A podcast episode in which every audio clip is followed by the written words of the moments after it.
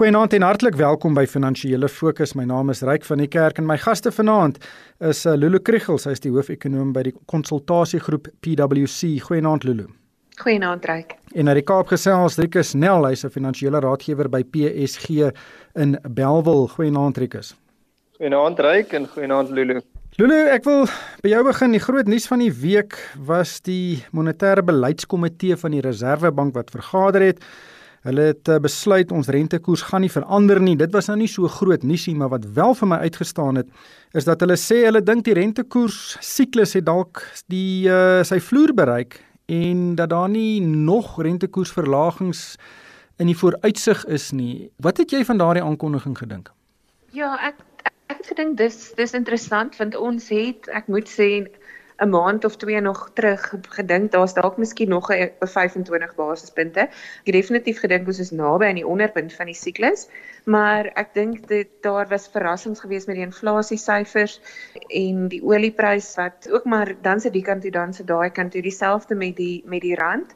En ek dink uh, die die jongste inflasiesyfers het vir ons gewys dat ons so 'n bietjie begin begin inflasie druk begin deurskemer of sien deurskemer en ek dink uh, dit het dalk die en en die vooruitsigte van die Reserwebank waar hulle verlede jaar of vir volgende jaar nog 'n uh, paar maande terug inflasiekoers verwag het van onder 4 is dit nou op 4.5%. So hulle inflasieverwagtinge is definitief anders as wat dit 'n paar maande terug was en ek dink dit is hoekom hulle gesê het wel ons stop nou hier.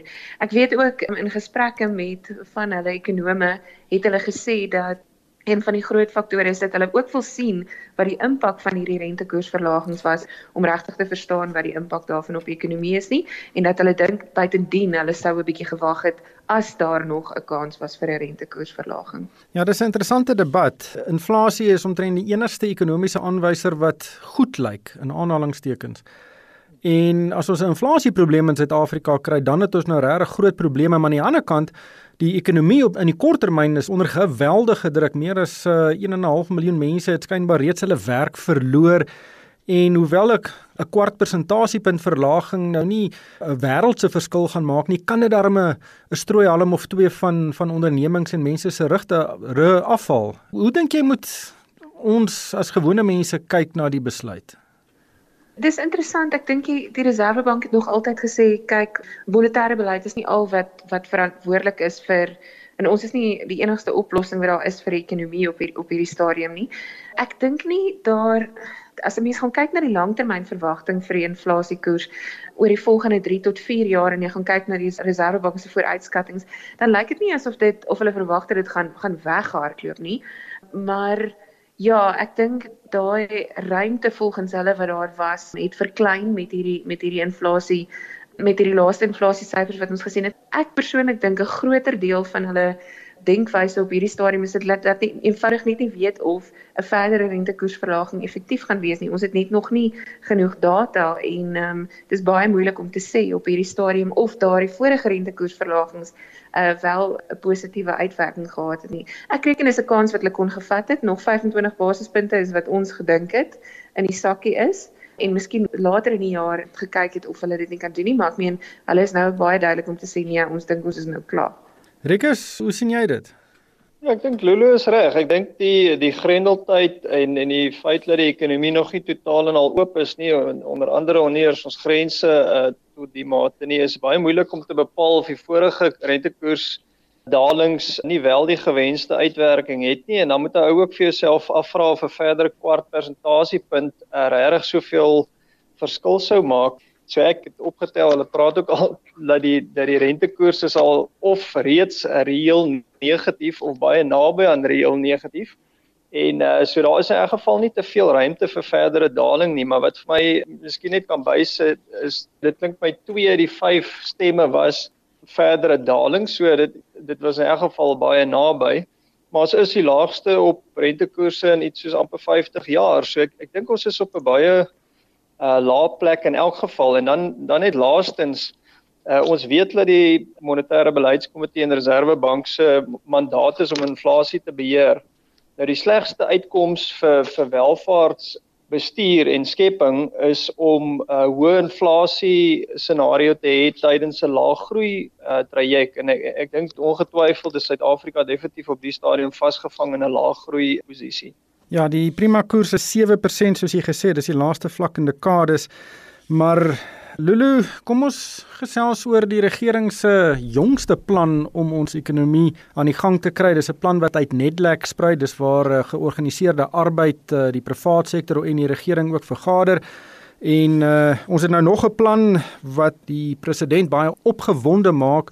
Nou daar's nog nie baie besonderhede oor die plan beskikbaar nie, maar dit bring ons nou terug ook met die rentekoers gesprek en en dit is dat die weergawe wat ek gesien het wat uh, nog nie die amptelike ene is nie, staan heel bo aan die lys wat Suid-Afrika moet doen om die ekonomie aan die gang te kry, is om energiestabiliteit te verseker. En die tweede ding op die lys is ons moet nou spektrum opvuil sodat uh, kommunikasiemaatskappye goedkoper datadienste kan lewer.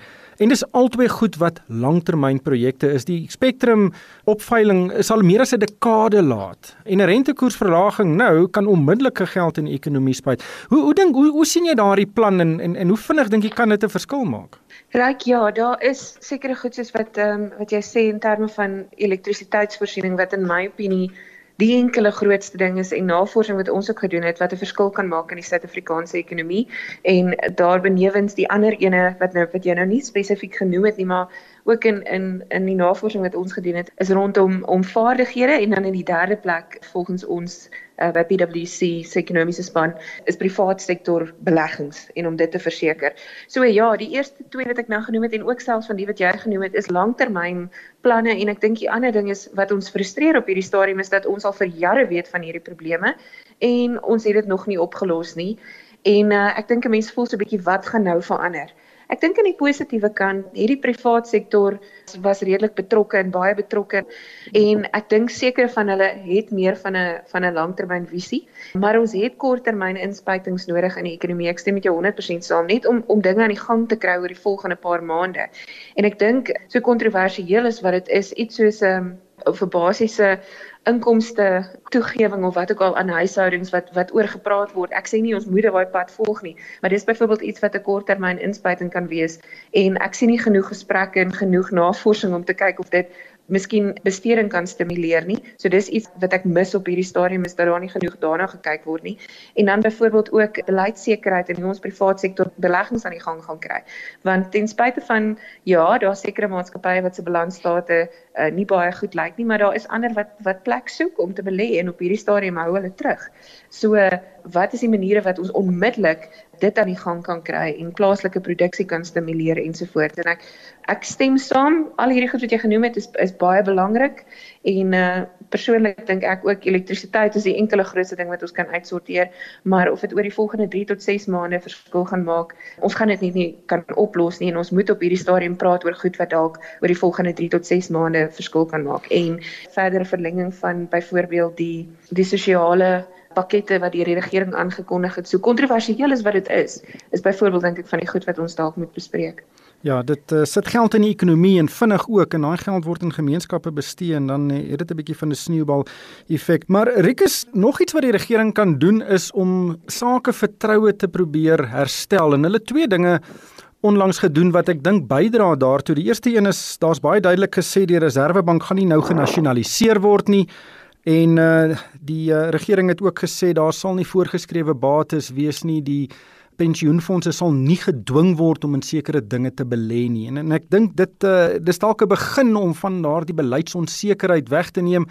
En as dit groot beleggers kan ooreed om fabrieke te bou en nuwe myngeleenthede na te volg dan kan dit 'n ook 'n vinnige verskil maak As ek kyk na die na die netwerk inisiatief is is vir my met die hoop dat dit is amper soos 'n ekonomiese kodessa wat ons altyd van gepraat het moes al 'n baie lank tyd terug terug gebeur het. Maar as jy kyk na die belangepartye ek dink is goed verteenwoordig. En miskien sit Lulu dalk bietjie nader aan inteendeel ek sou gehoop het dat sy byvoorbeeld tot so 'n komitee kon wees. Maar dis dis 'n vennootskap tussen regering besigheid en dan dan arbeidsverteenwoordiging Nou daar was onlangs 'n baie goeie artikel op wat hulle basies praat van die korttermyn en langtermyn doelwitte. Nou soos jy regtelik uitwys, die korttermyn is duidelik gefokus op die hervestiging van vertroue en en en mense kan sien dat daar is 'n baie 'n sterk poging om dit te doen of almal by hulle woord gaan hou soos byvoorbeeld die voorgeskrewe bates ensovoorts is is natuurlik moeilik om te sê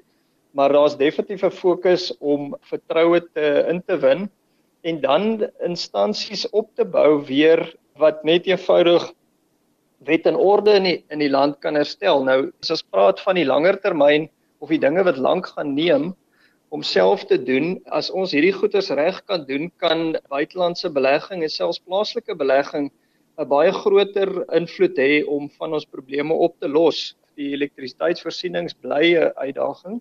Maar al wat ek sê is as jy vertroue kan herstel, is die geldelike aspek daarvan 'n uh, baie kleiner probleem.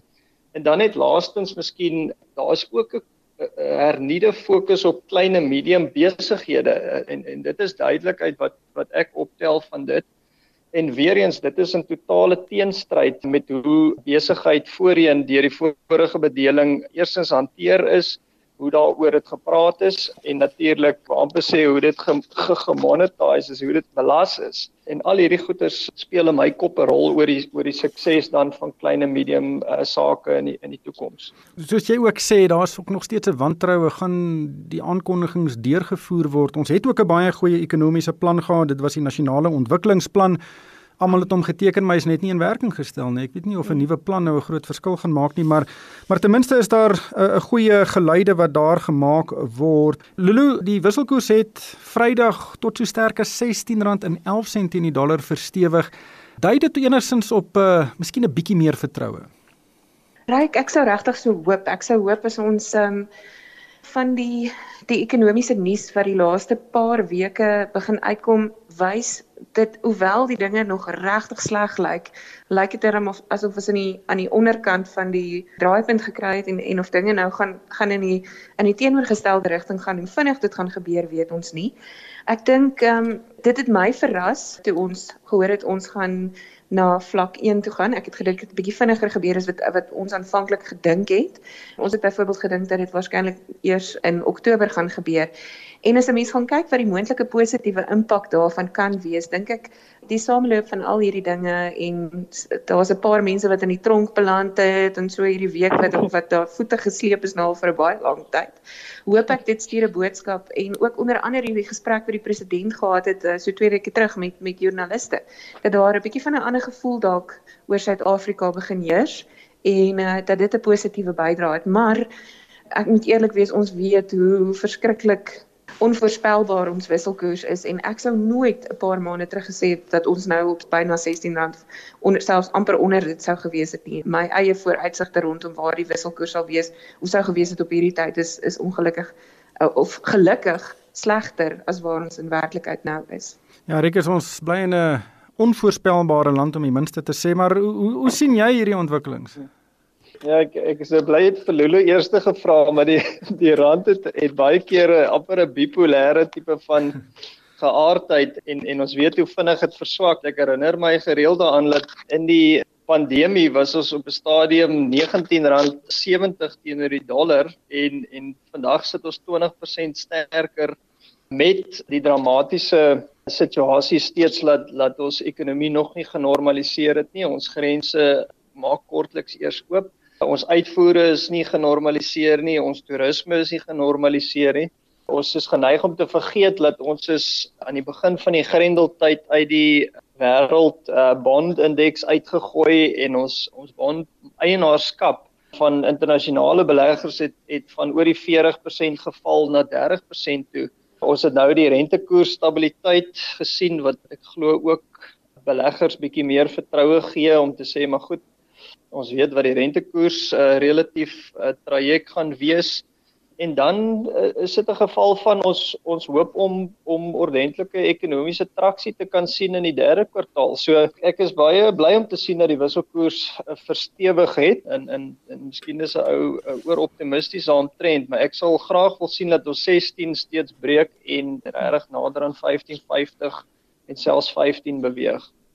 Rikus, ek bly sommer by jou. Ons het ook 'n hele paar maatskappye gesien wat hierdie week resultate bekend gemaak het en dis 'n uh, dit gee mense baie goeie aanduiding van hoe seer maatskappye, ondernemings en seker ons hele ekonomie gekry het in die eerste helfte van die jaar, veral in die tweede kwartaal. Uh Motus, uh dit is uh, die maatskappy wat ontknoop is uit Imperial. Hulle het omtrent 330 motorhandelaars in Suid-Afrika. Hulle winste 72% af. Discovery se wins uh 94% laer, grootliks vanweë voorsienings en Woolworths ook 61% af. Wat lees jy in in hierdie syfers?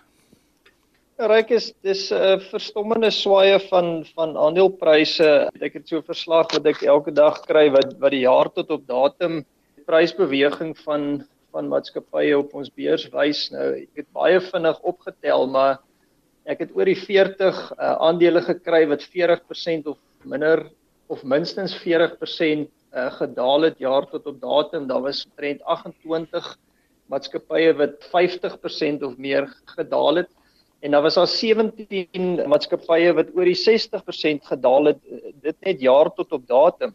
En dan moet ons osself herinner dat met die ingaan van 2020 was het ons al klaar baie eh, sweet en bloed op die indeks gesien. So wat ek wel kan sê is ons moet onthou dat aandelepryse en spesifiek met die invloed van die COVID op verdienste en en verkope ensovoorts aandelepryse rus nie net op 1 jaar nie. So weer eens die winsdalings van 1 jaar behoort nie dis of ekwivalent te wees van wat ons in die pryse sien nie. En dan ehm um, as as 'n ou so dink oor die beurs, ons moet baie naby wees aan 'n punt van maksimum uh, pessimisme as 'n mens die gevoel daar buite toets. Ek sien nie of hoor nie baie positiewe goed rondom ons ekonomie nie, nie oor ons beurs nie en en baie min ook positief oor ons land alhoewel daar positiewe goed is, maar dis nie die algemene nuus in die in omloop nie. En ek sal ook nie dink dat daar 'n oorkonsentrasie van kapitaal op ons beurs nie. Rikus ons sal dan moet altroep eh, die tyd het ons ingehaal. Baie dankie vir julle bydraes vanaand. Dit was Lulu Krugel, sy is die hoofekonoom by PwC en ook Rikus Nel. Hy is 'n finansiële raadgewer by PSG in Bellville daar in die Kaap. En vir my ryk van die kerk, dankie vir die saamluister en ek hoop almal het 'n winsgewende week.